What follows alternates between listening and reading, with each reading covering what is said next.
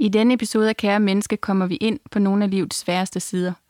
Derfor vil vi gerne gøre opmærksom på, at hvis du oplever selvdestruktive tanker, og måske endda selvmordstanker, så kan du få hjælp ved at ringe til livslinjen på telefon 70 201 201. De sidder klar ved telefonen hver dag mellem kl. 11 og kl. 05.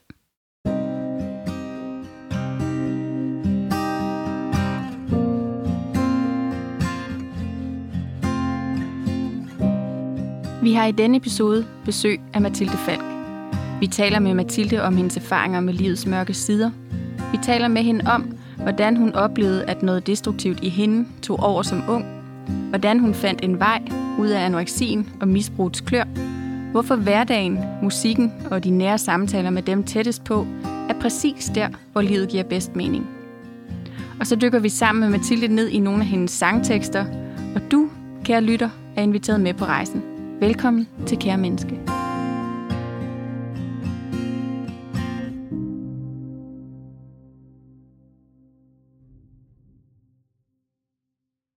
Velkommen til, Mathilde. Tusind tak. Dejligt at være her. Ja, det er så dejligt at have dig med. Tak. Vi er jo blevet meget inspireret. Det er måske i virkeligheden særligt dig, Mie, der øh, virkelig blev ramt oven på toppen af poppen. Det gjorde jeg. Ja. Altså også i en grad, så er jeg faktisk undervejs hulket.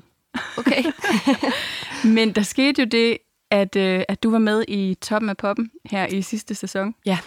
Og, øh, og jeg sad og lyttede til din fortælling. Og for første gang nogensinde, tror jeg, selvom at jeg har været i virkelig meget øh, terapi og alt muligt andet forskelligt, som vores lyttere måske har hørt i nogle tidligere afsnit, så har jeg selv lidt af spiseforstyrrelser, dengang jeg var ung. Mm. Og noget af det, du jo fortalte og delte i toppen af poppen, var din egen rejse Ja. med spiseforstyrrelser, blandt andet. Ja. Så vil du ikke dele bare lige lidt med vores lyttere, og som den rejse, du har været på? Jo, gerne, og tak. Øhm, jamen, jeg øh, var på mange måder sådan et, et, et glad barn, der havde det øh, godt og havde meget krudt i røven. Øh, sådan et barn, der var hele min skolegang meget uden for døren og havde svært ved at sidde stille, øh, men var ligesom glad. Men da jeg blev teenager, begyndte jeg at, øh, lige pludselig at få, det, få en masse destruktive tanker og føle, at jeg ikke øh, hørte til nogen steder, og der var en masse omvæltninger i, i mit liv og rundt omkring mig. Og der begyndte jeg at udvikle en spiseforstyrrelse, som, som blev så alvorlig, at, øh, at jeg blev indlagt på, på psykiatrisk afdeling og var der i, i et halvt år og faktisk havde altså noget helt derud, hvor jeg ikke ville leve mere. Virkelig, øh, virkelig havde det skidt og havde mistet håbet på, at, øh, at der kunne være et liv til mig. Øh, og for at gøre, ja, for at riste lidt op, så begyndte jeg at skrive dagbog, øh, hvilket blev på alle måder min vej tilbage til livet. Øh, det her med at skrive, øh, og mine tekster begyndte at rime, og, og sangskrivningen kom ind der på psykiatrisk afdeling og blev øh, ja, mit håb og mit, mit, min livsløst på, på rigtig mange måder, som, som kom tilbage der. Og, øh, og jeg udskrev mig selv, da jeg, jeg, var, jeg var lige blevet 18 år, øh, og begyndt med en, ja, et, have den her kæmpe store lyst til at leve, og til at få et godt liv, og til at øh, kan man sige, prøve at være noget for de mennesker omkring mig. Øh, og, øh, og så det her med at skrive sange og spille musik begyndte at fylde alt for mig. Mm. Øhm, og så øh, stiftede jeg bekendtskab med, med misbrug i de her år, øhm, og øhm, kæmpede en kamp for at øh, komme til at blive ædru, som jeg har været nu i ja, syv år. Øhm, Tillykke med det. Ja, tak. Ja, mega sejt. tak. Øhm, og øh, har ligesom, som jeg også jo øh, kan forstå på jer, altså været enormt interesseret i, øh, i i det indre liv og i andres indre liv. Og øh, jeg er ambassadør for Landsforeningen Sind og har i 13-14 år rejst rundt, øh, både psykiatrien og på bosteder og øh, steder, hvor der er mennesker, der har øh, på en eller anden måde ondt, ondt i livet. Øh, og altså har ligesom ja, en kæmpe stor interesse i, i sindet og i mennesker og i psykiatrien. Øh, ja, så det, det er sådan lidt om, om mit liv, så er jeg gift her i næste måned i 10 år med, med min dejlige mand, og har en søn på 4 år, og øh, har, har, ja, har et rigtig, rigtig godt liv, men elsker stadig at, at, at tale om de her ting, fordi at, øh, at jeg ved, at der er andre, der jo er i det nu, som jeg var engang, Ja. øh, og jeg er ekstremt taknemmelig for, at jeg slap fri af det. Øh, og ja, og, og, og opdagede jo tidligt, da jeg begyndte at fortælle min historie for, ja, for de her 13 år siden, må det være, øh, hvor mange der kunne genkende det, og hvor mange der øh, ikke følte, at, øh, at, at altså, jeg følte sig alene omkring det. Øh, så at jeg helt klart også begyndt at føle, at der var, at jeg havde et ansvar i at være med til at, at fortælle den her historie. Ja. Øhm, som, ja, som, som er blevet en stor del af mit arbejde. Og vi er jo også mega, mega glade for, at du har haft lyst til at komme herind og dele det, fordi det er noget særligt, og noget af det, som vi tit taler om, det er jo også, hvor, hvor få steder der egentlig er, hvor at vi kan gå hen og tale ja. om det der indre liv. Ikke? Mm. Det er så det er rigtigt. Jo... Noget af det, der faktisk også, apropos Tom og Poppen, men var ret interessant for mig med at, at være med i det, og øhm, reaktionerne bagefter. Det er klart, det var et program, rigtig mange mennesker så, og det, der skete, var, at, at øh, når jeg blev stoppet på gaden, så er det folk, der gerne vil fortælle mig om deres smerte. Ja. Mm. Altså det rum, som du lige nævner der, det var som om, at det blev skabt i, at altså, det er den følelse, jeg får, hver gang jeg fortæller om mit, så bliver der skabt et rum til, at andre gerne vil fortælle om deres. Øh, som, ja, som jeg synes er ret smukt, men også sigende, øh, for at, at der mangler de her rum. Altså når man gerne vil snakke med mig om det, ja. øh, så tænker jeg dermed, at, der, at vi mangler på en eller anden måde øh, ja, et rum i samfundet til, at det bliver mere normalt at tale om. Øh, og at, at, øh, at det ikke behøver at være så sensationsagtigt, at vi... Øh, at, at vi har nogle ar på sjælen, eller at, at vi alle sammen oplever nogle kriser, eller, eller oplever sorg. Og noget af det, der også øh, så har været interessant, er, at, at den smerte kan se jo sindssygt forskelligt ud. Altså, ja. der kommer alle mulige forskellige mennesker og fortæller om vidt forskellige, som ikke har noget for eksempel med spiseforstyrrelse eller psykiatri at gøre, men om en anden type smerte eller sorg. At smerten er jo på en eller anden måde den samme, ja. øh, og den genkender vi hinanden, og at, at, at der bliver nødt til at være plads til, at, at den må være med. Lige nøjagtigt, og vi talte faktisk om det, da mm. vi kørte herover i dag, fordi det der med, at, at det der jo er genkendeligt, som du også siger, ikke, det er, at der er smerte i et menneskeliv. Ja. Mm. Så det det, det, det handler om, det er, hvad er det, vi gør med den smerte? Så for nogen er det en spiseforstyrrelse eller ja. et misbrug, og for andre er det måske at arbejde sig ud af det. Eller, Præcis. Men bare det der med, at vi, vi opdager, hov, det er faktisk en del af menneskelivet, og det er okay, ja. at mm. vi siger det højt. Lige præcis. At det gør ondt. Nemlig. For Eller det, det er okay ja. at have det sådan. Ja. For det er jo faktisk den vinkel, der også mangler, synes jeg. Ja. At hvorfor, hvorfor skal vi gå og putte med det? Det, er der ikke, det står der ikke nogen regler om. Vi gør det bare. Ja, jamen det er rigtigt. Mm. Og at, altså, det er også nogle gange den, at det hedder psykisk sårbar. Den her sådan, sårbarheden i det som sårbarhed er super sejt. Men, men der er også bare en kæmpe styrke i, når vi får taget nogle af vores kampe. Altså, og det tror yeah. jeg er noget af det, som jeg også i hvert fald er interesseret i. Det her med at prøve at altså, være med til at formidle det på en måde, hvor det ikke er skrøbeligt og, og lige præcis noget, vi skal putte væk, men rent faktisk noget, der gør os altså, stærkere. Det, jeg, mine oplevelser øh, og de kampe, jeg har været igennem, har jo helt klart gjort, at jeg føler mig stærk. Yeah. Øh, og at mange af de mennesker, jeg møder, har det øh, lige så. Yeah. Øh, så det her med at, at få sat nogle andre ord på det på en eller anden måde også, end det, som vi måske har været vant til. Øh, sådan så vi får lyst til at faktisk at sige, okay, jeg har klaret de her ting, nu er jeg et stærkt menneske, og mm. de mennesker, jeg møder, bliver mere rummelige, og det her med, at, at der er øh, plads til at leve på mange forskellige måder, og at der ikke er én vej til et godt liv.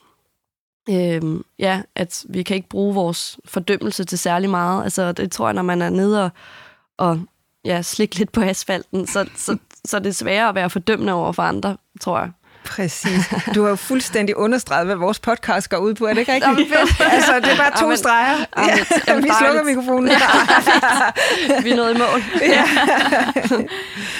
ja, lige præcis. Og vi talte også om, da vi, det der med, at altså, Hvorfor er det, vi skal netop putte det ned til noget, der ikke må være der, til noget, der er skrøbeligt, og mm. i den forstand også tit, skrøbeligheden må ikke være der, ikke? Mm. Jo. Hvor at, at jeg giver dig fuldstændig ret. Det er virkelig også min oplevelse og min erfaring, at, at det er jo netop de der gange, hvor vi tænker, hvad er vejen ja. ud her? At, altså, det er jo der, hvor vi begynder at blive nysgerrige, kigger ind, kigger ja. på hinanden og, og finder ud af, hvad er det så, at jeg skal lære Lige præcis. I mig. Lige netop. Mm. Og jeg tror da også, at, at de fleste af os vil sige, at de samtaler, vi har med dem, der er tæt på os, altså, hvad er det for nogle samtaler, vi virkelig husker, hvor vi virkelig føler, at ja. det er spændende og interessant, og man er, er noget for hinanden. Og det er jo, når, når vi åbner os for hinanden. Øhm, altså, det er jo sådan, vi kommer tæt på hinanden også, så det er også på mange måder øh, at fratage vores folk omkring os øh, noget virkelig nærhed, hvis vi ikke åbner op. Øh, det er i hvert fald noget af det også, jeg kan se, jeg har altså, den største bedrift i mit liv, føler jeg, er mine relationer, øh, som, som helt klart er kommet ud af at, at ture og være sårbar og ture og altså egentlig fordi at jeg så også har gjort det, altså det er blevet normalt for mig, fordi det så også har været noget, jeg har gjort offentligt, at vise en skyggesider, kan man sige. Så det har ligesom været svært ikke at gøre det også i de mennesker, jeg så har mødt efterfølgende. Øh, men ja, det gør jo bare, at, at vi får lov til at være tæt på hinanden. Mm. Øh, hvilket tror jeg, at, at det i hvert fald mit liv går ud på. det er det, det, er det med, med at have gode relationer. Altså at alt andet er fuldstændig lige meget. Mm.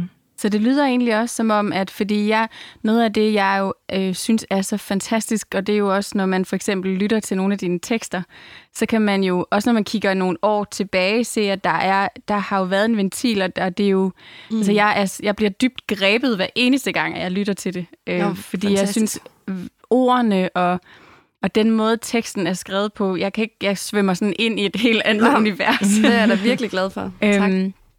Så, så men alligevel lyder det som om, at det at få det sagt højt, sådan mm. i det relationelle, er alligevel noget andet, end det at sige det højt i en sangtekst. Ja, det er det. Altså, men jeg, jeg, det er lidt, ja, for mig er det interessant, fordi jeg har, føler også helt klart, når jeg er i sangskrivning, er det lidt ligesom en ven på en eller anden måde, mm. og, og sådan har jeg det også med mine instrumenter, at det er, øh, at jeg har helt klart sådan et forhold, der føles meget dybt for mig med det instrument, yeah. og, og når jeg ligesom jeg kan mærke, at nu der er en sang på vej. Det er sådan meget intens øh, sted at være. Lidt ligesom når man føler sig meget tæt på en person. Mm. Øhm, men, men der er jo stadigvæk det, at, at når, når jeg skriver, så er det jo kun mig, der får lov til at, at, at tale, og, og ordet er mit, hvilket kan være enormt lækkert. Ja. Men, men at, at der ligger også noget i det der med at ansvaret gennem et andet menneske, altså, og at, øh, at egentlig det med, at, at andre mennesker kan tage os i vores bullshit, tror jeg er sindssygt vigtigt. Altså, som også er, når vi kommer tæt på nogen, så kan de også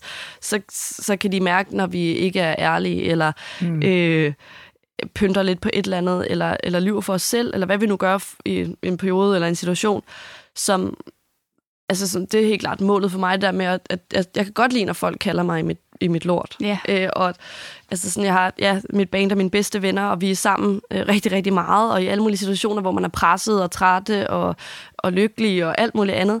Men det der med at få lov til at være tæt på folk, når man egentlig er i sin dårlige udgave, og, og få lov til, altså sådan, at jeg, ja, at, at kalde hinandens pis, ja. tror jeg er godt for os. Og det, kan, det, det er der ikke nogen, der gør i min sangskrivning. Ej, den er god. Jeg bliver simpelthen så nysgerrig på, du fortæller, at i dine teenageår, der, der var et eller andet, der, der koksede for dig. Eller ja. hvordan var du beskrev det? Hvad, hvad skete der der? Jamen altså, jeg tror, der var mange... Og, altså, jeg, jeg har altid helt klart, der har været... Øh, der har været uro på forskellige måder i min barndom. Der har også været rigtig, rigtig meget kærlighed og rigtig meget godt, men det har helt klart også været, øh, været ting, jeg har haft med, som, som, har, som har gjort det bøvlet for mig i, i perioder.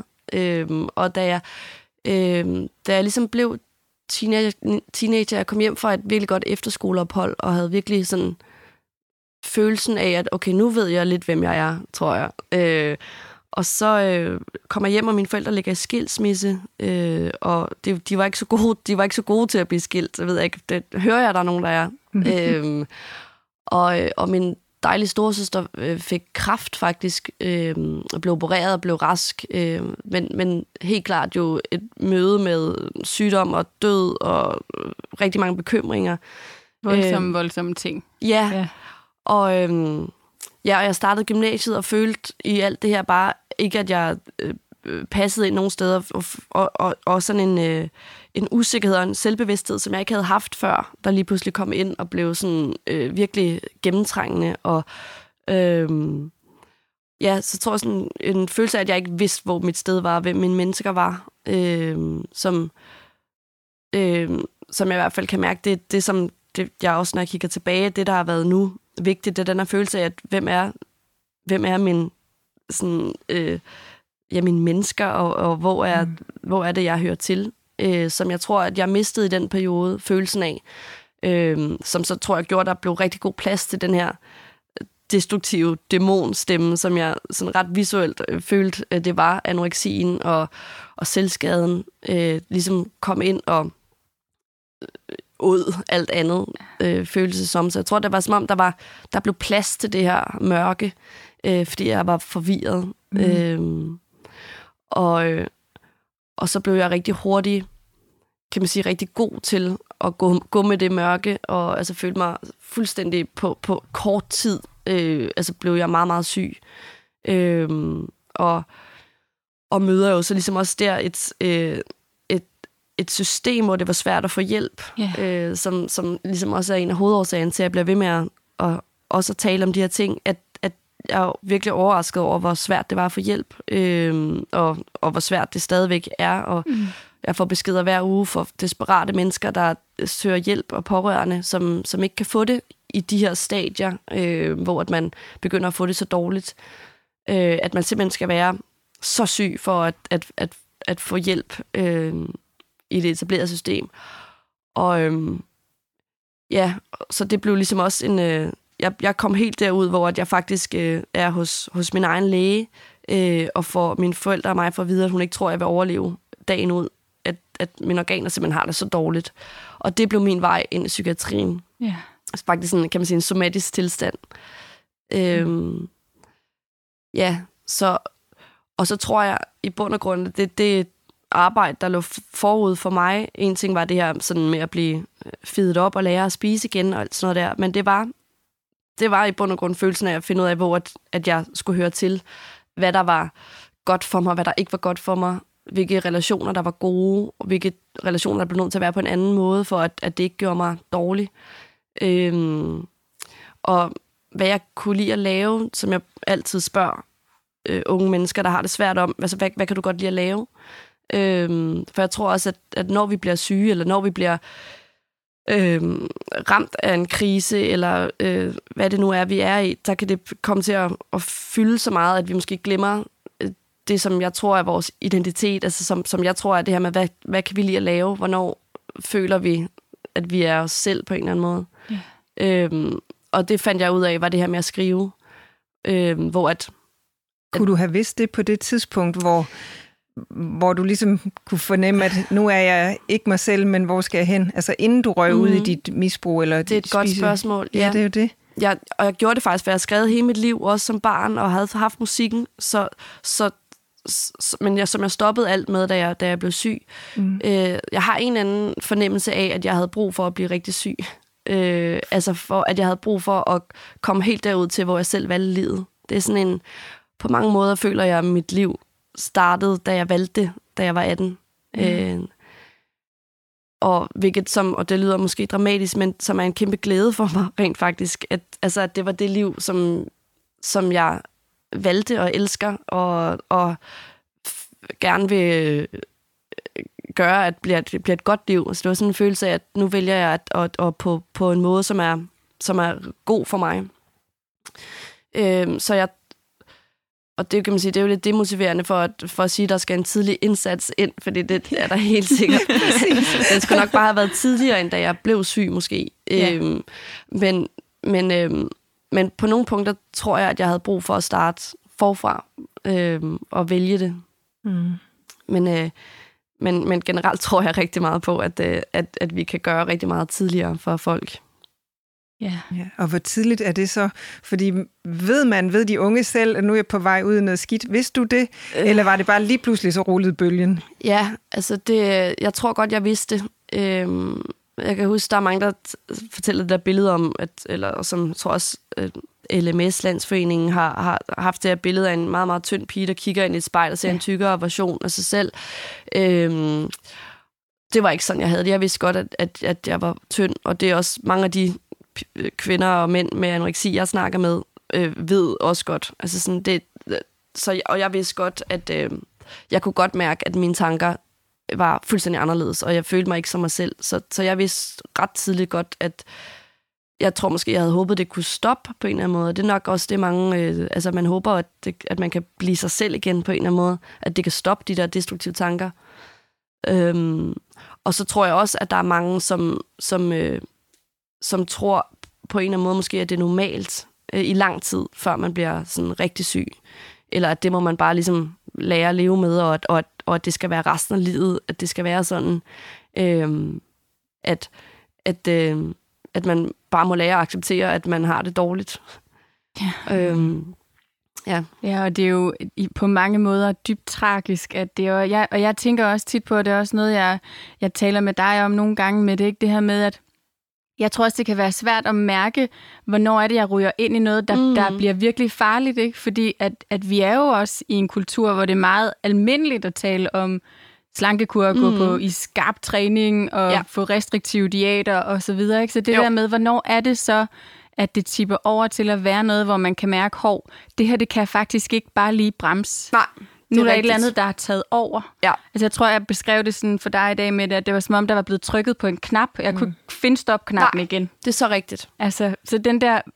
Og hvad gør man så der? Fordi det ved man jo ikke nødvendigvis, hvis man bare går på en slankekur. Nej. At, at jeg er en af dem, der kan få trykket på rigtigt. en knap, ikke? Præcis. Så det er så svært at, at, det, at ja, navigere. det er det. Det er det. Og altså, altså i bund og grund tror jeg rigtig meget på det her med, at, at vi jo, som, at, det her, at det handler om, som vi alle sammen skal køre gennem livet, sikkert hver dag, for altid, men at have en føling med en selv, altså at lære sig selv rigtig godt at kende, at, at, at forstå, hvornår at man, øh, hvornår man har det godt, og hvornår man ikke har det godt i bund og grund. Fordi det er, jo, det er jo okay ikke at have det godt nogle gange, og det er også okay at være i situationer, hvor man kan mærke, at det her det er ikke godt for mig, eller med mennesker. Det kan vi godt klare en eftermiddag og snakke med en eller anden onkel, som er idiot.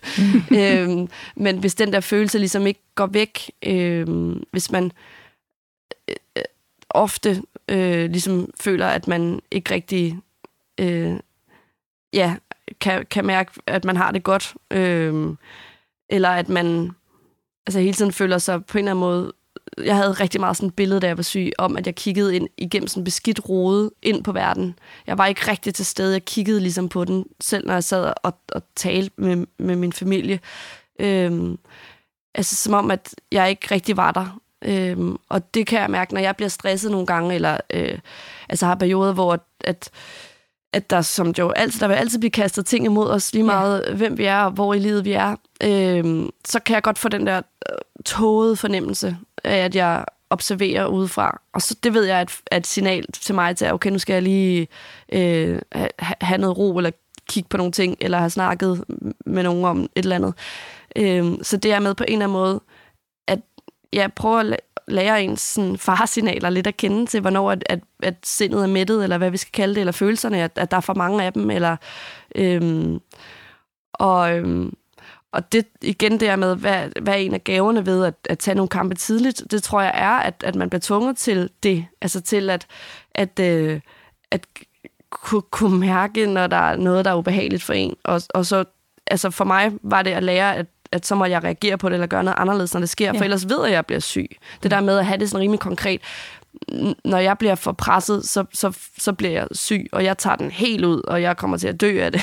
Mm. øhm, og at, at jeg i lang tid i årene efter, da jeg blev rask, spurgte mig selv, øh, vil du leve eller vil du dø? Den her følelse af, at der var ikke der var ikke, jeg kunne ikke gå lidt ned af en vej igen med at prøve lidt, eller prøve heller ikke, da jeg stoppede med at drikke, eller stoppede med at tage stoffer. Der var ikke, jeg, øh, det var enten eller.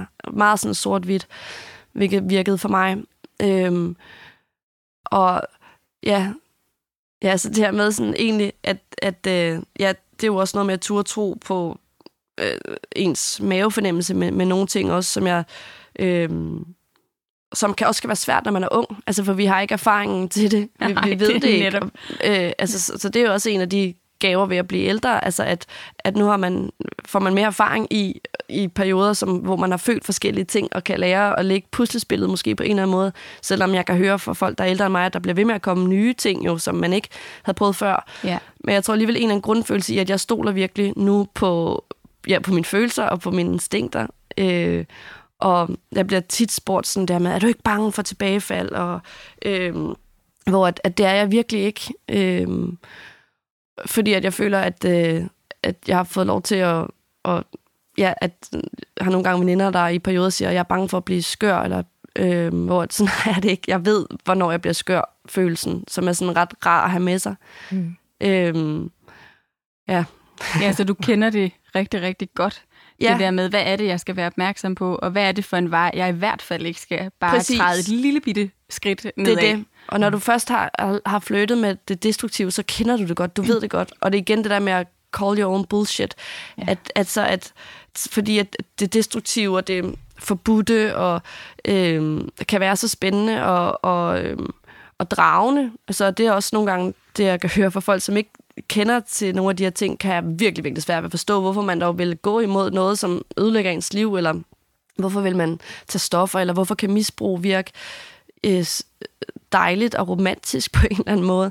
Øhm, og der er det jo virkelig noget med, når, man, når jeg ved, at jeg har en side, øh, som, som står i mig, som, som er draget mod det her på kanten liv. Ja. Øh, så er det virkelig noget med at hele tiden øh, call my own bullshit, når jeg begynder i mit hoved at romantisere det, eller det kunne der også, og måske kunne jeg godt lidt, eller... Øh, og ligesom der, altså, jeg har hyldet rigtig mange store kunstnere, der, der helt sikkert har været misbrug, og mange er døde af deres misbrug, og, og jeg tror, vi har også en anden en del af kulturen, hvor vi virkelig romantiserer og forguder det her med at leve på kanten, som er noget, jeg har i hvert fald har brugt og bruger tid i mit liv på, at øh, ikke romantisere det med mit eget liv. at, at, at, øh, at jeg ved, det ikke er et godt liv for mig. Jeg kommer sådan til at tænke på en af dine sange. Ja. Jeg kunne virkelig, virkelig godt tænke mig, at vores lyttere skulle få lov til at høre den. Og så kunne jeg godt tænke mig at læse en lille smule op af teksten bagefter, Spændende. fordi jeg tænker, umiddelbart kommer jeg til at mærke, det er noget af det, som du sidder og taler om okay. nu, der er med her, men du, nu kan vi se. Ja, spændende. Så lad os lige høre den.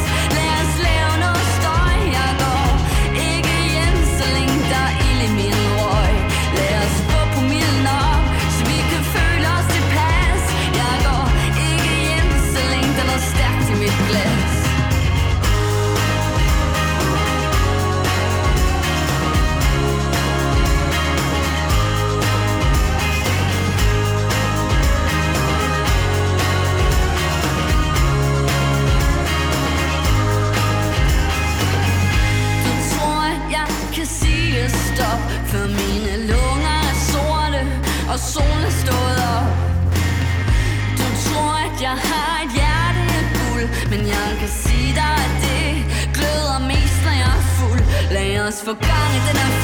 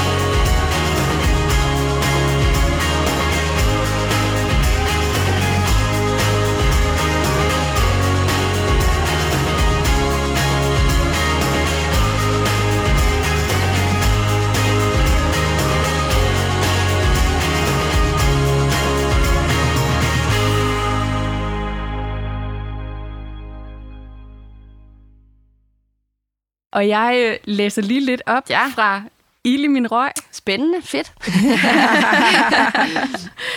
Øhm, kan lige øh, se, ja, finder den lige. Jeg har den lagt klar på min telefon, og nu hoppede den væk. Det er det dejlige ved... Øh, den er her! Fantastisk. Så lad os få gang i den her fest. Lad os lave noget støj. Jeg går ikke hjem, så længe der er ild i min røg. Ja, lad, øh, lad os få promillen op, så vi kan føle os tilpas. Jeg går ikke hjem, så længe der er noget stærkt i mit glas. Lige nu er jeg ung og smuk. Snart ligner, det, ligner jeg det, jeg er, hærdet af druk. Lige nu kan jeg charmere din fordømmelse bort. Snart vil du se, at jeg var af en, af, af en selvmedicineret sort. Lad os få gang i den her fest. Du tror, jeg kan sige stop, før mine lunger er sorte og solen er stået op. Du tror, jeg har et hjerte af guld, men jeg kan sige dig, at det gløder mest, når jeg er fuld. Ja. Ja. Ja, jamen det, er- det er jo meget rigtigt, at det er, altså sådan, jeg kalder det sådan lidt en, øh, en ironisk festsang fra, fra, fra en misbruger, for en, som ikke helt vidste, hvornår at øh, lejen var, var god og for god. Øhm, ja, ej, men må jeg ikke høre, hvad du tænker, for det er egentlig sjovere. Jamen, altså, noget af det, jeg, jeg, lægger rigtig, altså, jeg lægger rigtig meget mærke til den, den her sætning med, at, øhm, at hjertet gløder mest, ja, når du Det- har været fuld, ikke? Jo. Altså, fordi jeg tror i virkeligheden, det er noget, at jeg kan virkelig genkende det i mig selv. Ja. Men det er også noget, jeg synes, jeg kan genkende bare en aften, hvor at man er i byen, når Ja. man er til fest. Altså det der med, som du også sagde, inden vi spillede nummeret, ikke? det her med, jamen, hvad er det egentlig, vi også hylder lidt? Ja. Den, det her livet på kanten, det her med Ja. flirten med noget, vi måske godt ved. Hov, det er, ikke, det er ikke os alle sammen, der kan styre det her. nej, Og, og så, så jeg synes bare, at når jeg har lyttet til den der tekst, så kan jeg virkelig mærke det der med, også hvordan vi forherliger noget, men lige så snart det så går galt, mm. når misbrud så indtræder, Ja. så, så bliver man så bare meget tabt. afstand fra det. Præcis. Ikke? Det er er det faktisk bare en virkelig rigtigt, hvor er det egentlig komisk, ja, at vi hylder det så meget og mødes om det. Det er hele fællesskabet ja. På rigtig mange måder i vores kultur. Men lige så snart du ikke kan finde ud af det fællesskab, så skal vi bare slet ikke have noget med det at gøre. Ja, Ja, det er faktisk rigtigt. Ja, og det er meget sjovt, at du siger det der med, ja, at, at hjertet gløder mest, når jeg er fuld. For det er rigtigt nok, det er vel sådan en, en jagt på at føle sig opfyldt, som jeg tror rigtig mange af os kender til, og som vi kan gøre på forskellige måder, hvor at, at alkohol for mange øh, virker, øh, og at det så alt andet kan føles, hvis man ikke føler sig opfyldt hele tiden, så, så føles alt vagt og, øh, og på en eller anden måde kedeligt, som, som er helt klart et tema, som, som jeg havde i min tidlig ungdom. Helt klart har det stadigvæk, men føler, at jeg har fundet nogle andre ting, der gløder. Øhm, men det der med, at, at jeg er jagten på hele tiden gerne vil føle rigtig meget, som jeg tror, at alkohol og festen og, og, og helt klart også misbrug og alle mulige andre måder, vi kan... Jeg tror også, selvskaden er på en eller anden måde måske også en måde at føle noget på. Øhm, og det kan også sikkert være alle mulige ting, som ikke er, er destruktive. Men øh, jeg tror he- helt klart, at, at nogle typer har en kæmpe trang til det her med at føle meget, og til at føle, at hjertet gløder og føle sig opfyldt. Og at, at jeg tror, at, at i hvert fald min generation, og, og nok også den, der er der nu, og måske mange flere, men, men er, er på en eller anden måde måske blevet skuffet over, at det ikke gløder mere. Altså, at livet, at livet ikke gløder mere. Det At, tror jeg, du ja. har ret i. at, så at det skal... bare, bare det. Ja, præcis. Uh, så at man ligesom bliver nødt til at prøve at, at, ja, at skabe det på en eller anden måde selv i noget, med noget andet. Øhm, ja, at, at vi skal lære, at øh, som jeg... Det, det, for mig var det et tema på min seneste plade. Ikke at det måske øh, skinner så meget igennem, men det var det for mig selv i mit, i mit indre liv. Det her med at, at hylde hverdagen, faktisk. Altså at finde ud af, at få en fed hverdag, for det er jo det, det, er jo det livet er. Det er, det er der, vi er. Øhm, og at så må andre ting være eller andet kirsebær på toppen, men at det kan ikke være det, der skal fylde. Altså, øhm, at det var sjovt at få lov til så lige pludselig, at altså det øh, at være med i Toppen Poppen, for eksempel, hvor at andre lige pludselig begyndt at forholde sig til, "Nå, nu har du, sku, nu har du made it-agtigt, nu har du succes. Hvor at, at, at det var virkelig en sjov måde at se, hvordan andre ændrede måden så, og, og, og, og som om, at, at det var værdien, hvor det, det fik virkelig mig i gang med sådan en proces med at finde ud af, hvad er det, eller som ja, at har lyst til at skrive om, og lyst til at snakke om, hvad det egentlig er, der er vigtigt, og at vi kan ikke bruge de der moments af succes, eller hvad det nu er, øh, til, til særlig meget. Øhm, det er ligesom det andet, der, der er ikke, ikke bare fundamentet, men, men også som jeg i hvert fald virkelig gerne vil finde en måde, hvor at, at jeg synes, at det kan få mit hjerte til at gløde, selvom det ikke skal gløde hele tiden. Altså ligesom også acceptere, at, at så gløder vi for hurtigt ud. Ja. Mm. øhm, og så virkelig turde kunne nyde, når det så gløder, eller når vi har de der momenter, hvor at vi virkelig føler noget ægte, øh, som, ja, som jeg helt sådan kan snævre ned til, det er med min søn og med min mand og med mit band, og så nogle gange andre steder. Men det er ligesom det er den kerne, der er, der er mit liv. Ja. Øhm, og, øh, og, og som, som skal beskyttes og øh, kærtegnes og, og udfordres og udvikle sig. Alle de her ting, hvor jeg tror, at det der med, hvad er det gode liv, det er i hvert fald for mig, det der med at være enormt bevidst om, hvad det er, der er livet for mig, og hvad det er, der gør det godt. Øh, også for så at kunne ture, øh, altså gøre nogle andre ting nogle gange med, øh, altså arbejdsmæssigt, eller øh, Øh, ja, prøve at gøre noget, jeg ikke har gjort før, noget, jeg ikke er god til, noget sådan, få nogle udfordringer, hvad det nu er, man gerne vil på en eller anden måde. Det her med ikke at føle, at man går i stå, og øh, jeg er også et sted nu, hvor at, at mange af dem omkring mig også, det med øh, mellem 30 og 40 år, og skal acceptere det med, at man har små børn, ens eget liv bliver på nogle punkter øh, øh, sat lidt på standby, kan det føles som. Øh, og at, at, øh, at oplever det med, at rigtig mange keder sig af helvedes til, og har den der med, fuck, var det det her, og, øh, og hvor at sådan har jeg ikke lyst til at have det. altså dermed så virkelig at være, have, have det som et aktivt valg, at, øh, at min hverdag skal være sjov. Ja.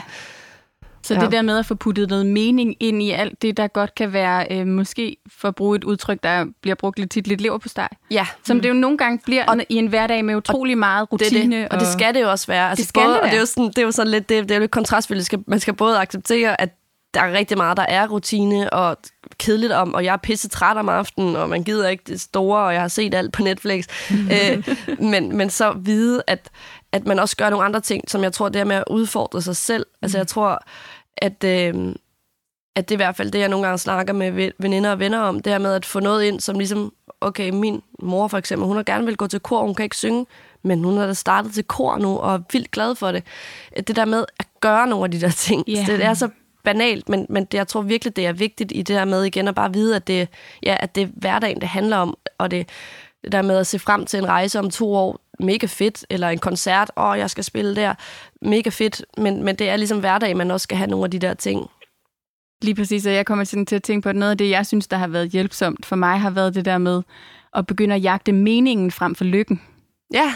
Altså, fordi mening, det kan vi finde i et lille bitte moment med vores barn. Ja. Altså, uanset hvor trivielt det kan føles, ja. når vi lige står der, så kan vi finde mening lige der. Præcis. Det liv lige der. Ja, det er så rigtigt. altså, og det er kun mellem jer. Ja. Det tror jeg også, den, der, den tror jeg nemlig også er vigtig. Så dermed, at, ja, at gøre nogle ting, som på en eller anden måde kun og det igen tror jeg kun kan finde igennem relationer. Jeg tror godt, vi kan snakke alt muligt, der er godt at gøre alene. Og, men jeg tror, at, ja, at den der ægte glæde, tror jeg kun vi kan få gennem, altså med andre. Ja. Altså vi er ikke lavet til at, øh, at skulle opfinde den dybe tallerken alene. Øh, ja.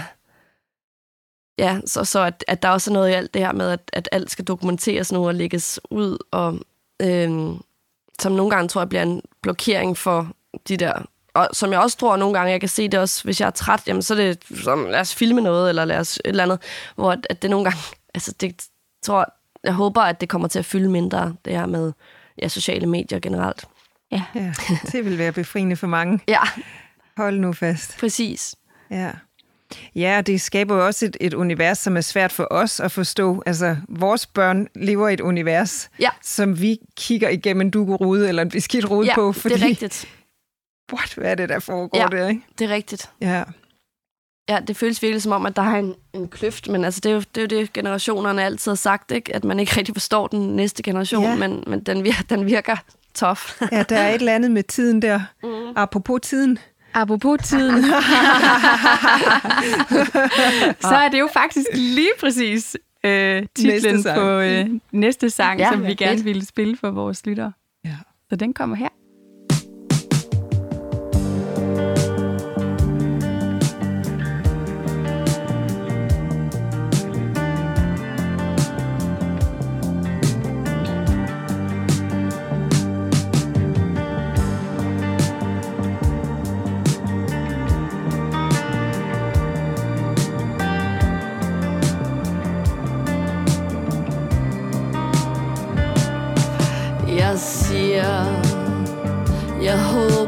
Forstår, at det bliver lettere i dag, end det var i går.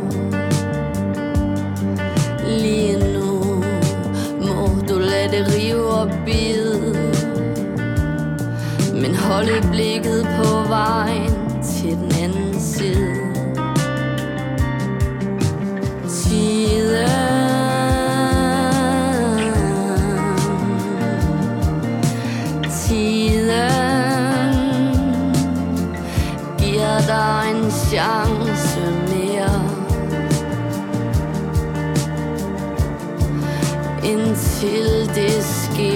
Så bare trække vejret. Tiden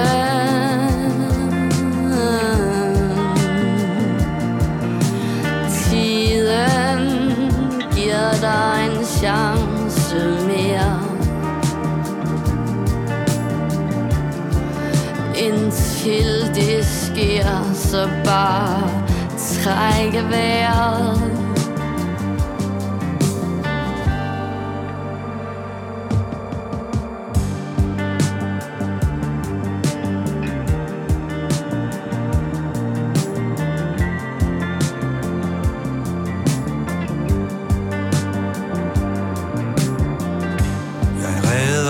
Seng ved morgen. Lukker vinduer op dør på klem. Koger ikke smilende Læner mig ud af alle Under toner bajer. Det er det hele værd. Jeg siger, jeg håber du forstår, at det bliver lettere i dag, end det var i går.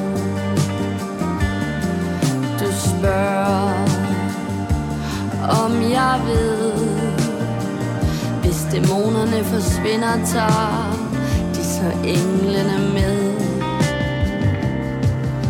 Tiden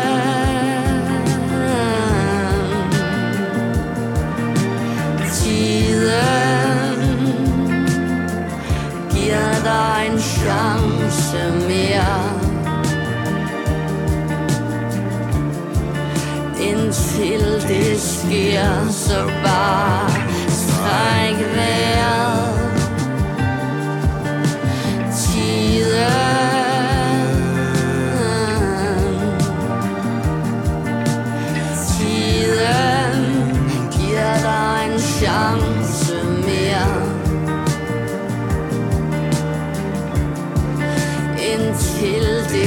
Det sker, så bare træk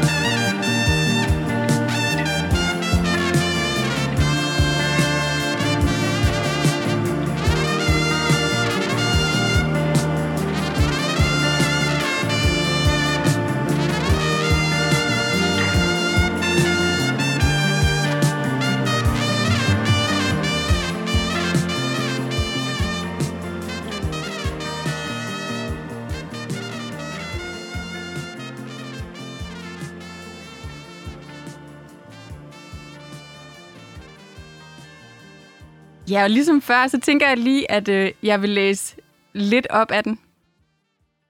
Jeg siger, jeg håber, du forstår, at det bliver lettere i dag, end det var i går. Du spørger, om jeg ved, hvis dæmonerne forsvinder, tager de så englene med? Tiden. Tiden giver dig en chance mere. Indtil det sker, så bare træk vejret. altså, det er simpelthen noget af det fineste, jeg nogensinde har læst. Ja. Sød. Tak. Den er så god. Det er så fint, fordi Ja. det er jo lige præcis det der med, okay, men, men tiden den arbejder, mm. Mm-hmm. men indtil du kan se den der vej. Ja. Det er i hvert fald sådan, jeg læser det. Mm. Det er at sige, altså, Ja. Men det der med, så Så Træk træk vejret. vejret. Ja. træk Ja. vejret. Ja, jamen, det, det, det er så rigtigt. Altså, det er jo selvfølgelig, at tiden læger alle sorg, og som jeg har tænkt i perioder meget over, fordi at det der er nogen, der vil mene, at det gør den ikke. Altså, der er nogen sorg, der bare ikke vil hele, og som mm. ikke kan hele. Eller At- bare bliver til ar. Ja. Så de er der jo. De er der, og Mm. altså, selvfølgelig er der no- noget smerte, som kan totalt forsvinde, men der er også nogen, der skal leve med en eller anden smerte for, for evigt. Så det var sådan en, ja, en følelse, jeg gerne ville skrive noget på det. Og så, øh, jeg, jeg, har mødt en, jeg har mødt rigtig mange øh, ja, mennesker, som, som har haft det rigtig svært, og, og der var en pige på et tidspunkt, der gjorde et stort indtryk på mig, som, som havde det, ligesom jeg havde det dengang, hvor at hun ikke troede på, at hun nogensinde kunne blive rask. Øhm, og jeg havde sådan en følelse, at jeg ville gerne ja, skrive en sang om de perioder, hvor at, at, vi, at vi kan have det sådan. Altså, at, at, øh, at vi ikke kan lære at leve med den her smerte. Øh, som jo, som jeg tror, rammer alle i en eller anden grad øh, på et tidspunkt i løbet af livet. Øh, eller det kan være, at man mister, og, og ikke tænker, at man ikke vil kunne klare at leve med den smerte. Øh, så, så faktisk det med at trække vejret, havde jeg et, et billede på, da jeg faktisk, da jeg var indlagt på psykiatrisk afdeling, der var jeg indlagt en, en, en juleaften, hvor at alle andre øh, patienter var, var hjemme, men jeg var der sammen med en sygeplejerske, som øh, altså gjorde det sådan ret tydeligt, at hun synes ikke, det var den fedeste dag at være på arbejde der juleaften sammen med mig. Hun synes, det var temmelig tungt. Øh, hvilket det helt klart også var. Og, og der, øh, der tænker jeg ligesom det her med, at jeg havde prøvet i ja, mange gange at, at, at, at tage mit eget liv, øh, og det var blevet stoppet. Øh, så jeg tænkte, at den eneste, det eneste, jeg kunne gøre, det var at stoppe med at, at trække vejret. Øh, og gå ligesom i gang i min den her hospitalseng med at prøve at, at holde mit vejr. Øh, og gør det i, ja, i lang tid, indtil hende og sygeplejersken ligesom sådan griner af mig og, og siger, at, øh, at det er umuligt, det er fysisk umuligt. Man kan ikke stoppe med at trække vejret af sig selv. Hvilket jeg jo på det tidspunkt synes var ret irriterende. En irriterende kropsfunktion. Øh, men som jeg synes, for mig blev billedet, da jeg blev rask på det her med, hvor smukt det egentlig er, at man kan være psykisk, have det så mentalt dårligt, at man ikke vil leve, men at kroppen holder en i live, indtil man er klar til at leve igen. Øh, og det blev det her billede, ja, at, at tiden giver dig en chance til, øh, ind, ja, øh, ind, jeg kan ikke huske, hvad jeg synger nu, men ind, indtil det sker, så bare træk vejret. Ja, lige præcis. Øhm, ja, som, som, øh, som en lille tak også til kroppen, faktisk. Mm. Hvis øh, man havde siddet i studiet nu, så kunne man se, at jeg var er begyndt at få lidt øjne. Men fordi det er jo virkelig et, et smukt billede på det her med også, det du siger med, at, at vi kan jo faktisk godt have det sådan, at lige nu er jeg ikke klar. Nej, Lige nu kan jeg faktisk ikke, præcis. og det er okay. Kroppen ja. hjælper. Ja, Ikke? jo, præcis. Mm. Og ja, det, ja, jamen, det er dejligt, at du forstår det, for det, det, det, var lige, det var lige præcis den følelse. Og altså, som, ja, at vi er, og, og nogle gange kan det jo, jeg, for mig nu bliver det sådan en, altså, at, at, man kan, at psyken kan lægge sig lidt tilbage og sige, du har, du har tid. Altså, og vi skal nok holde dig kørende indtil, at, øh, at du er klar. Hvor at, jeg snakkede på et tidspunkt med et menneske, som, som var ramt af den her sang, men som var øh, kraftsyg mm. hvor at kroppen lige præcis ikke ville mere, men psyken gerne ville. Hvor at, øh, at det rørte mig også rigtig meget, for det er jo selvfølgelig en anden sag, men det her med, at der, at der er på en eller anden måde to dele, som, som er med os. Øh, og nogle gange må man så hvile mere på den ene end, end på den anden. Ja, gud, det er virkelig også et fint billede. Ja. At der er, der, er, der er noget, der støtter os, uanset hvad det er for ja. En smerte, vi står i midt i Præcis. livet. Ja. Ja. Åh, hvor fint. Jeg får faktisk lyst til, apropos, fordi en anden sang, som virkelig også har givet mig øh, utrolig mange tårer i øjnene, var den, som, som faktisk også var med i toppen af poppen, ja. men den sang, der hedder Suk. Ja, Øhm, Vargas sang. Ja. Alex Vargas sang den, ja lige præcis. Øh, jeg elsker øh, teksten helt vildt, og jeg elsker den i begge versioner, fordi den rammer nogle forskellige øh, ting. Øh, men jeg kunne godt tænke mig, at vi lige lytter til den.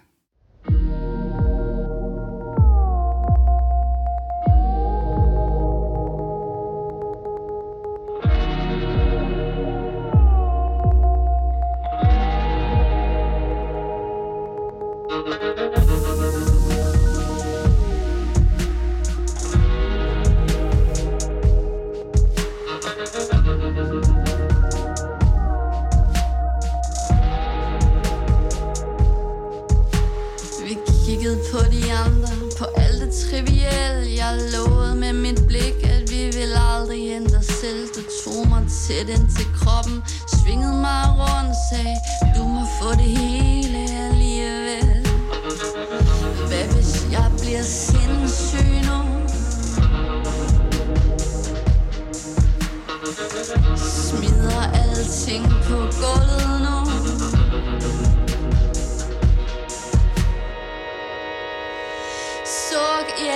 Hjerte, men brist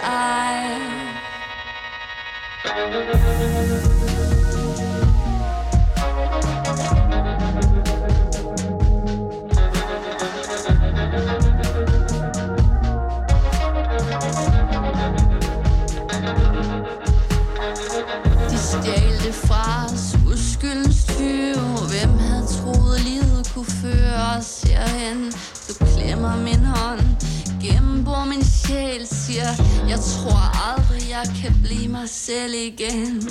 Hvad hvis du bliver sindssyg nu? Smider alting på gulvet nu?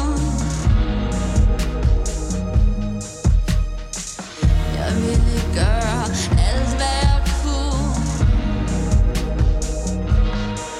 Men jeg tror, at jeg bliver sindssyg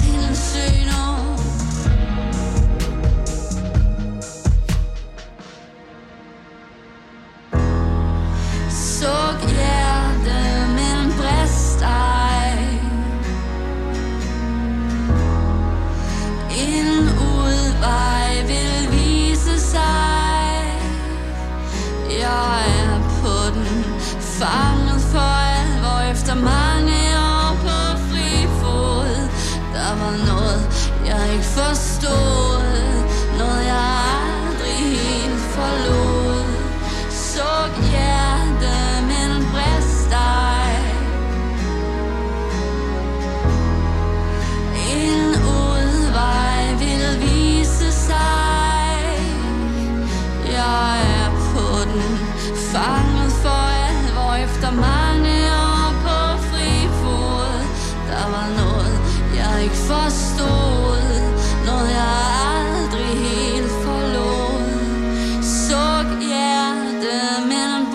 ej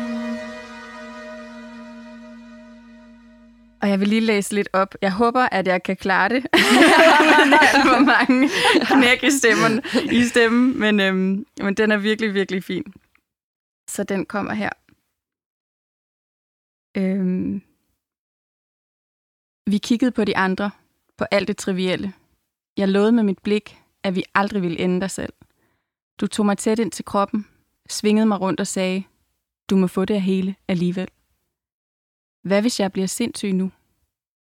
Smider alting på gulvet nu. Suk hjerte, men brist ej. De stjal det fra os, uskyldens 20. Hvem havde troet, at livet kunne føre os herhen? Du klemmer min hånd, gennembor min sjæl, siger, jeg tror aldrig, jeg kan blive mig selv igen. Suk hjerte, men brist ej. Mm. ja, der sad vi næsten med tår i øjnene. Vi måtte lige høre den i bilen på vej ja. over. Det er suk hjerte, men brist ej. Ja. Oh. Det var noget, min mormor sagde, kan jeg huske, som barn. Altså, som, hvor den lige pludselig øh, sammenførte sig. Det, det gav bare så god mening. Mm. Ja. Det er nemlig lige præcis det, det gør. Ja. Og jeg har ikke gi- anet det før, at Nej. jeg hørte den sang. Men den giver lov. Den giver lov til at være lige der, hvor man er. Mm. Kom ud med det. Ja. Ah, Præcis. Det Ja. brister ikke. ja præcis. Ja. Åh, givet man kunne putte sådan et hjerte ind i alle vores unge mennesker, var. Ja, ja, lige rigtigt. Ja. Men Ja. jeg ved jo, hvad den sang handler om for mig. Ja, det vil jeg Øhm. nemlig også gerne. Men, men jeg er også mega, men det, det vil jeg også rigtig gerne fortælle, men jeg er også mega nysgerrig på, hvad den, hvad Ja. den handler om for dig, hvad den er kommet af, fordi at for mig handler den om så mange forskellige Ja. ting i livet, og jeg synes, jeg kan læse det ind i alt, hvad jeg står i, der kan være svært. Altså Fedt. om det er sygdom, eller Mm. om det er noget, der kan være svært i en relation, Mm. eller hvad som helst, Ja. så kan jeg bruge den der sætning og bære ja. den med mig. Og så noget andet, som, som jeg mærkede langt, langt ind i kroppen, det er det der med, hvad hvis jeg bliver sindssyg nu? Ja, ja. Ikke? Altså, fordi hvor mange af os kender ikke det der med at stå i en Præcis. situation, hvor man tænker, nu rappler det. Nu. der er ikke mere, Nej. jeg kan ikke. Nej, det er det.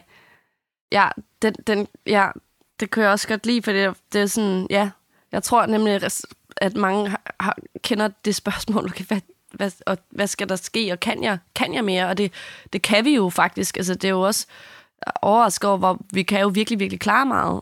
Øhm, og selvfølgelig, og det er også, når nogen øh, af os bliver sindssyge, så stadigvæk, så, så øh, hvis man stadig lever, så har man jo klaret det på en eller anden måde. Øhm, Jamen, så den handler også for mig om rigtig mange forskellige ting egentlig. Altså første vers der med, at vi kiggede på de andre på alt det trivielle. Øh, kig, lovede hinanden, at vi aldrig ville ændre selv. Øh, som, som egentlig er det her også, som vi lige snakkede om før, med at blive voksen og mm. acceptere det trivielle, men at finde, øh, tror jeg skriver om det her med at, at blive svinget rundt, svunget rundt, mm. øh, som, et, som jo sådan en hverdags øh, fest. Øh, men det er, altså, ja, og at blive ved med både sådan at vælge hinanden og, og livet, og, og kunne gå ind i, i et, ja, et voksenliv, og i en, det, der forhåbentlig bliver en alderdom på et tidspunkt, øh, med, med accept af, at, at ja, både at, altså sådan, at det trivielle, det er i hvert fald noget, jeg selv har tænkt over, at det er meget negativt lavet, men det behøver det måske ikke være. øh, og så, øh, jamen, jeg skrev den efter vores, øh, vores, vores dejlige søn havde været, var rigtig syg de første to år øh, af sit liv, og øh, han var i vores arme næsten 24 timer i døgnet men på skift med mand, som, og, og min, og sov næsten ikke, øh, og øh, som er på mange måder den, ja, den værste periode i mit liv, det her med ikke at kunne tage min søns smerte væk, mm. øh, og, og, og samtidig øh, se, hvad det gjorde, at, at min mand og jeg har haft, øh, ja, vi har været sammen i 13 år nu, og, og, og har, havde et virkelig symbiotisk forhold inden, øh, og øh, var altså sammen hele tiden, altid, øh, og øh, meget, meget, meget glade for hinanden. Og se os på en eller anden måde i det her, den her krise, se os begge to være apropos så trætte, at at vi ikke kunne hinanden, vi kunne ikke os selv, vi kunne ikke noget, vi kunne kun være en, der bar vores baby og gav alt, hvad man havde til ham. Øh, så ligesom se rigtig mange ting øh, smuldre på en eller anden måde ja. mellem mine fingre, og også blive bange for selv at blive så udmattet, blive sindssyg, og blive bange for, at han skulle blive det. Øh, så, så det tema er der i, og i det suk hjerte, brist dig. Og der var der en nat, en af de her nætter, hvor at, at vi stod og med vagtskifte med at, at, at vugge vores søn, at min mand sagde til mig, øh, jeg tror aldrig, jeg kan blive mig selv igen. Ja, det er præcis. Og det var bare sådan, åh, den rammer bare så hårdt. Det var sådan lige præcis sådan, jeg havde det. Og jeg vidste, at det var rigtigt, at han havde det sådan. Øh, og, og det har jeg fundet ud af, at med den linje, at den er der mange, der kender til. Altså, mm. at, at, at vi bliver ramt af noget, eller går igennem en periode, hvor at, at der sker noget, som lige pludselig gør, at vi føler, at vi ikke vi kan ikke være den, vi var før. Mm. Øhm, og det kan være, at vi ikke... At det, det kan vi ikke, og vi må ligesom acceptere, at, og, og, og, og at den her sang for mig var også at acceptere, at, at jeg ikke bliver mig selv igen, og at han ikke blev sig selv igen, og at vi måtte lære at elske hinanden i, og os selv i de nye udgaver, dem vi var blevet, med, med, med endnu et ar, kan man sige, som, øh, som, som vi skulle bruge til noget igen. Det er nok øh, dejligt heldigt, men det var den følelse, som jeg overlevede på. Det var, at, at, øh, at, øh, ja, at skulle på en eller anden måde bruge den smerte til noget. Øh, og det er en anden lang historie, men, men har startet alt muligt ting for, for, for børn, som har de her typer udfordringer, og forældre øh, uddannet mig til zoneterapeut og, og, og nogle andre forskellige ting, og ligesom føle, at jeg har brugt den smerte til noget, øh, som, ja, som har været ja, helende for mig selv. Yeah. Øh, og ja, så det... Øh, og så tror jeg i det, altså synger det, at suk hjertet med brist, en udvej vil vise sig. Jeg er på den, fanget for alvor, efter mange år på fri fod. Som var for mig i den her meget, meget pressede periode, at det blev den her følelse af, at der blev åbnet et vindue til noget destruktivt kunne komme ind. Mm. Følelsen af, at jeg har været fri, men at lige pludselig blive fanget. Øh, som skulle som skulle tages afstand fra Ja. igen. Så der skulle tages et valg en gang til. Ja. Hvordan undgik du så det? Øhm, jamen, egentlig, jamen, og det lyder jo, jeg, jeg, jeg skulle spille i en kirke faktisk, den dag jeg skrev den her sang, hvor jeg kan huske, at jeg, der havde været lyd på, det var kun mig, der var der. Øh, og så sad jeg inde på gulvet i den her kirke og skrev den her sang, og fik grædt ud på en eller anden måde. Øh, og så var det som om, det lettede. Altså, det er jo... Øh, og at, at følelsen af, at gerne vil... Øh, ville blive gammel sammen med min mand, og, og have sådan en, en smertefuld periode, vi havde været igennem sammen. Det der med følelsen af, at der er aldrig nogen andre, der kommer til at forstå det her. Mm. Øhm, og øhm, så altså, jeg tror altid, for mig det der med at finde på en eller anden måde drivkraften, hvad er motivationen i det, hvordan bruger vi det til noget, og at, at for mig den der følelse af, at, at øh, vi er i det her sammen, øh, du har set mig i, det mest skrækkelige, skrøbelige, hårdeste øjeblik i mit liv. Jeg har set dig i det. Øh, det kunne være helt klart ret let lige nu at skride for det hele. Mm. øh, men, øh, men det vil jeg ikke, det har jeg ikke lyst til. Og så ligesom, jeg bruge det til noget, som egentlig var enormt ja, konstruktivt og håbefuldt, og noget, som, som, øh, ja, som gør, at jeg nu, og øh, min mand har, ved jeg, på samme måde følelsen af, at det igen, det er virkelig noget, vi har valgt, øh, og at, at, øh, og at vælge at, øh, at tro på, at, at, øh, at vores søn blev rask, og, og bruge energien på at, øh, at få det til at ske. øh, altså, på en eller anden måde finde, hvad vi kan gøre. Altså, sådan, når jeg nok rigtig meget har haft og har det i, i krisetider, det der med, okay, hvad gør man? At der, der handler jeg nogle gange, og gør jeg super mærkelige ting, altså, som, som måske ikke øh, giver så meget mening, men det, med følelsen af, at at kunne gøre noget. Så, sådan, så jeg havde brug for at tage til udlandet og lære øh, om forskellige alternative behandlingsformer og sådan noget. For det var min måde at, at føle, at jeg kunne gøre noget i en situation, hvor at, at det var virkelig frustrerende ikke rigtigt at kunne gøre noget. Øhm, og også, nu, nu plapper jeg bare, men, men også så acceptere det her med, at, at vores, vores partner eller vores venner, eller hvem vi nu er tæt på, ikke altid har den samme måde at skulle bearbejde ting på, eller mm. altså, at vi har, er så forskellige i, hvad vi har brug for os nogle gange. Øhm, og ligesom egentlig også have respekt for det i hinanden, selvom at man måske ikke kan forenes eller være i symbiose, det ved jeg ikke, om vi skal være, og om det er også en dårlig ting, men i hvert fald føles, at vi kan ikke være tæt på hinanden endnu. Vi kan ikke, jeg kan ikke give dig det, du har brug for, du kan ikke give mig det, jeg har brug for lige nu.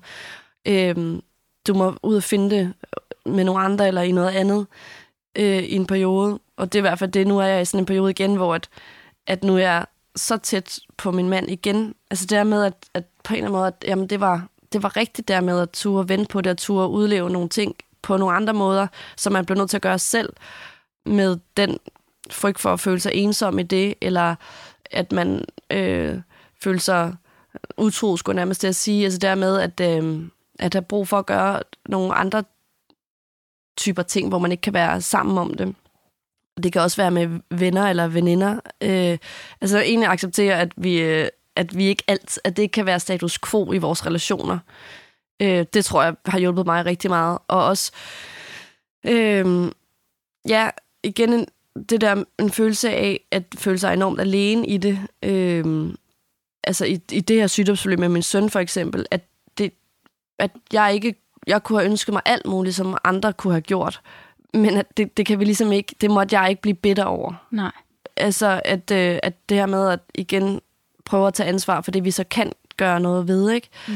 Øhm, det tror jeg var, for jeg havde helt klart sådan en periode, hvor når man, nu så man, hvem ens sande venner var agtigt, eller familie, eller hvor at, at det, og det kan også være fint nok, og det kan være fint at blive bred sikkert, men at, at øh, jeg virkelig sådan, jeg tror, at jeg nu i hvert fald ser det som en periode, hvor jeg fik igen mulighed for at definere, hvad det er, der gør mit liv godt, når, når alt andet bliver fjernet en eller anden, på en måde.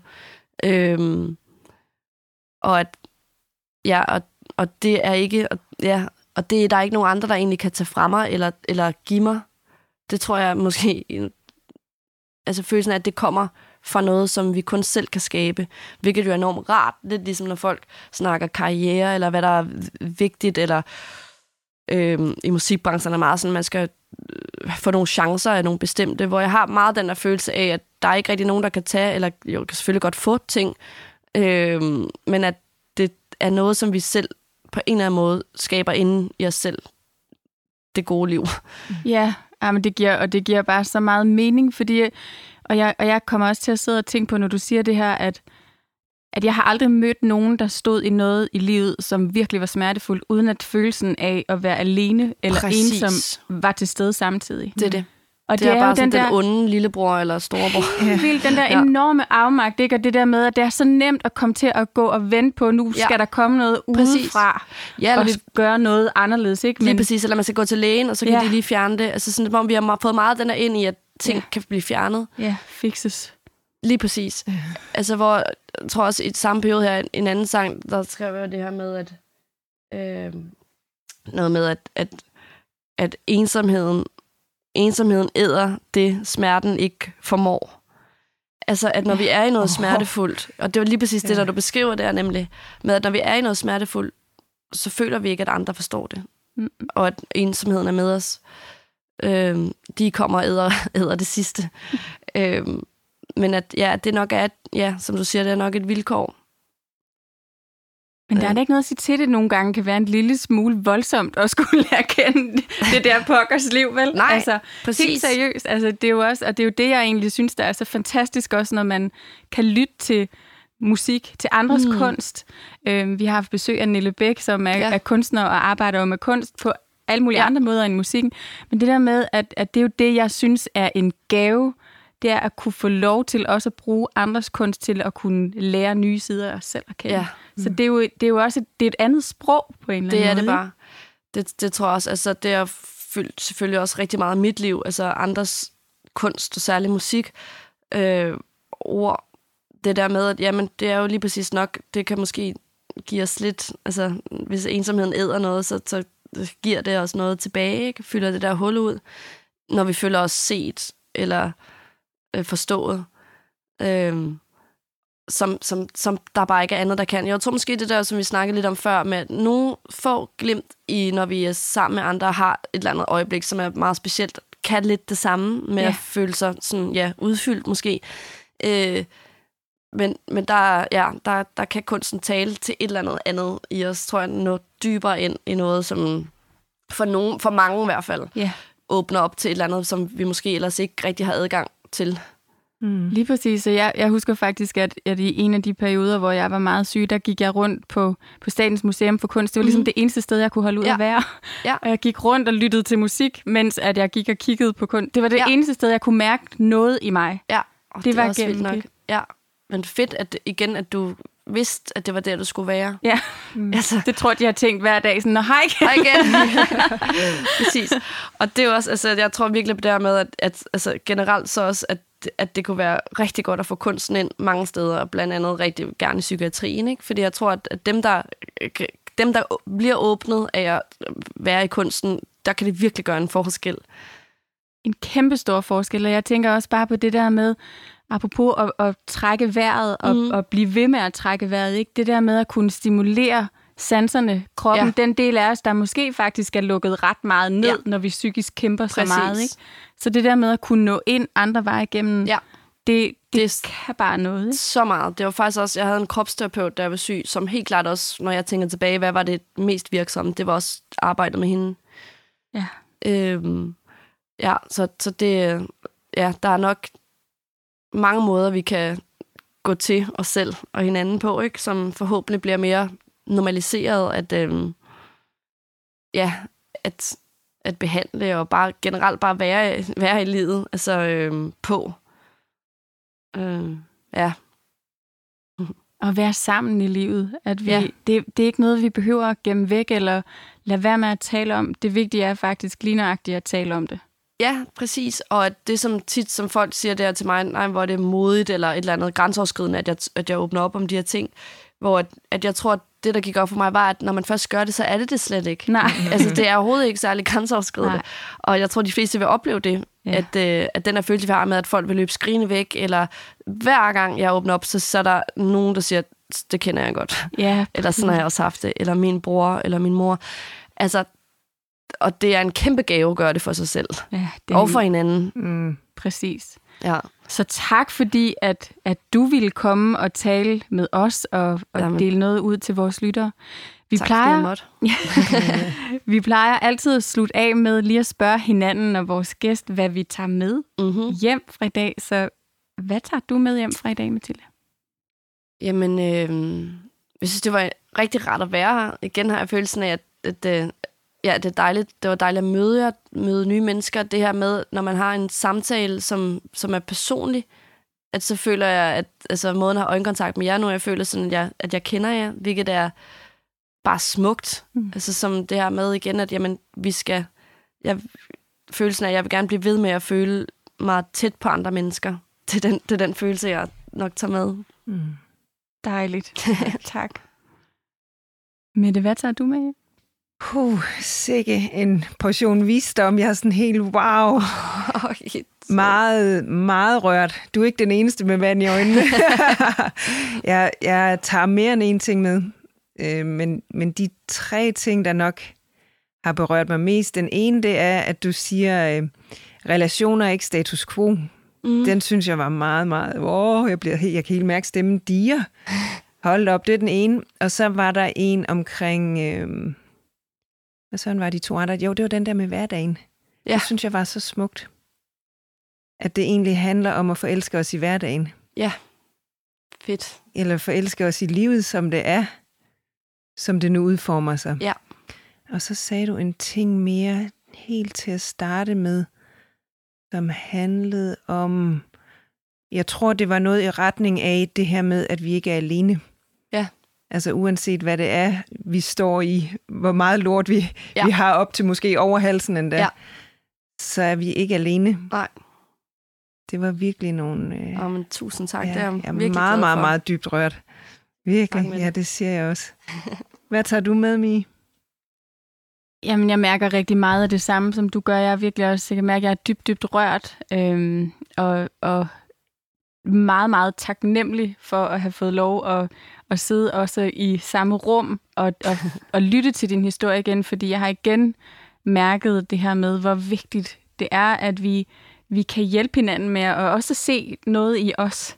Ja. Øhm, og hvor, hvor tankevækkende det er at have kunne været i 10 år i forsøg på hjælp, da jeg var ung, og så først føle sig rigtig, rigtig, rigtig set Ja.